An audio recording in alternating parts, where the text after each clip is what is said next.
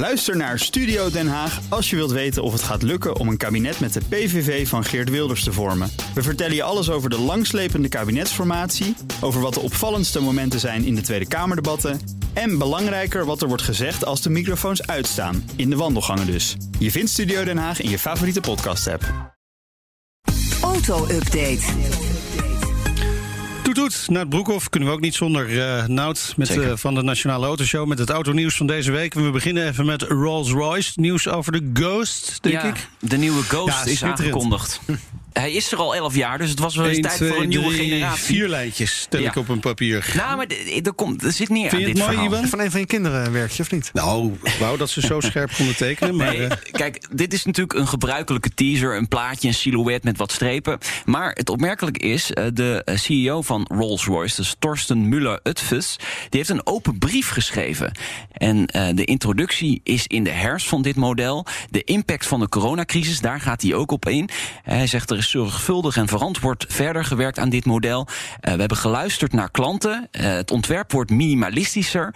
De puurheid moet terugkomen. Geen ditjes, geen datjes in een Rolls-Royce.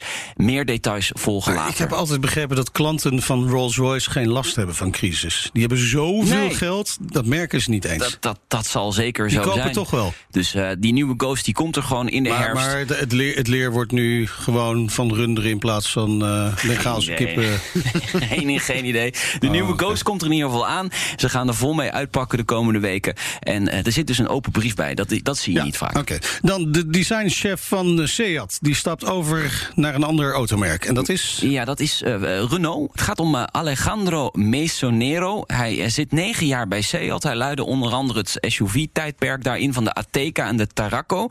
En zijn motto is altijd: je moet niet langer dan tien jaar ergens zitten. Dus hij had nog een jaartje kunnen doorgaan, maar dat doet hij niet. Hij stapt dus over naar Renault, waar hij bij een oude bekende terechtkomt. Luca de Melo, dat is de voormalig baas van Seat. Die heeft hem dus eigenlijk naar Renault gehaald. En de supervisie, ja, die blijft natuurlijk nog altijd onder leiding van eh, Laurens van der Akker, de Nederlander. Hij is de baas van de Renault groep, hè, dus Dacia, Alpine en Renault. En waarschijnlijk wordt dan deze designer van Seat wordt de baas van het design van Renault. Dan gaan we naar Formule 1. Komend weekend, eh, hè, dan mogen we weer. Ja. Heerlijk. Eh, het blijkt dat circuit Silverstone bijzonder graag een Formule 1 race wilde organiseren. Zelfs meer dan twee. Ja, niet minder dan 12 hadden ze aangeboden. Echt waar? Gewoon het hele seizoen? Het hele seizoen, Hoppa. hoppakee. Ja, circuitbaas eh, Stuart Pringle die heeft een interview gegeven. Een leuk interview. Hij zegt die coronacrisis was natuurlijk... ja, die heeft grote impact op de Formule 1. Eigenlijk dachten we dat er helemaal geen races meer gehouden zouden worden. Dus heb ik voorgesteld, doe dan 12 races in Silverstone. Is dat nou een gek plan? Eigenlijk niet, want heel veel van die teams... die zitten in Groot-Brittannië. Denk aan Red Bull Racing, Racing Point zit er ook. En een groot deel van de teams zit daar dus. Verschillende layouts kun je van de baan maken. Hè. Ze, die, die baan in Silverstone kun je op verschillende manieren indelen... waardoor je steeds weer een ander circuit krijgt. Alleen de Formule 1 zei, mm, we vinden het wel een beetje saai. Die hadden ook geen zin om elke week in en uit English breakfast met eh, witte bonen in tomatensaus, gefrituurde eieren. ja, heel veel bier natuurlijk ook. Ja, Ja, Heinz.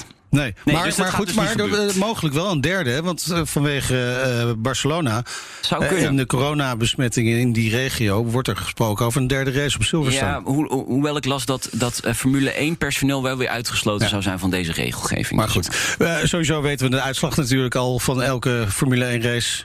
Mercedes op Ja, één. ja, Mercedes is dominant. En dat is ook de vraag die nu reist. Is, zijn ze te dominant? Wat vind jij?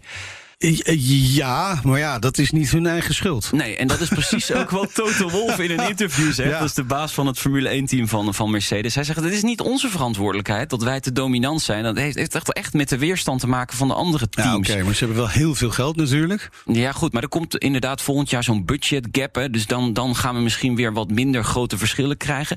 Maar uiteindelijk gaat het natuurlijk om racen. En je wil gewoon ja, op de baan gevechten zien. En dat is niet wat we krijgen op dit moment. Zeker niet met top. de toprijders. Dus eh, laten we hopen dat daar wel wat verandering Laten we in komt. hopen dat eh, in ieder geval Red Bull eh, zijn huiswerk heeft gedaan en eh, op Silverstone in ieder geval wat meer eh, tegenstand kan bieden. Hè? Ik vrees ervoor. Ik hoop het zo. Ik hoop het zo. Nee, ik denk Ik denk het ook niet. Nee. Dankjewel, Nout. De BNR Auto Update wordt mede mogelijk gemaakt door Lexus. Nu ook 100% elektrisch. Ook Hugo Reitsma vind je in de BNR-app. Superhandig die BNR-app. Je kunt alle programma's live luisteren, breaking nieuwsmeldingen. Je blijft op de hoogte van het laatste zakelijke nieuws. En je vindt er alle BNR-podcasts, waaronder natuurlijk de belangrijkste, Boeken zijn in de wijk. Download nu de gratis BNR-app en blijf scherp.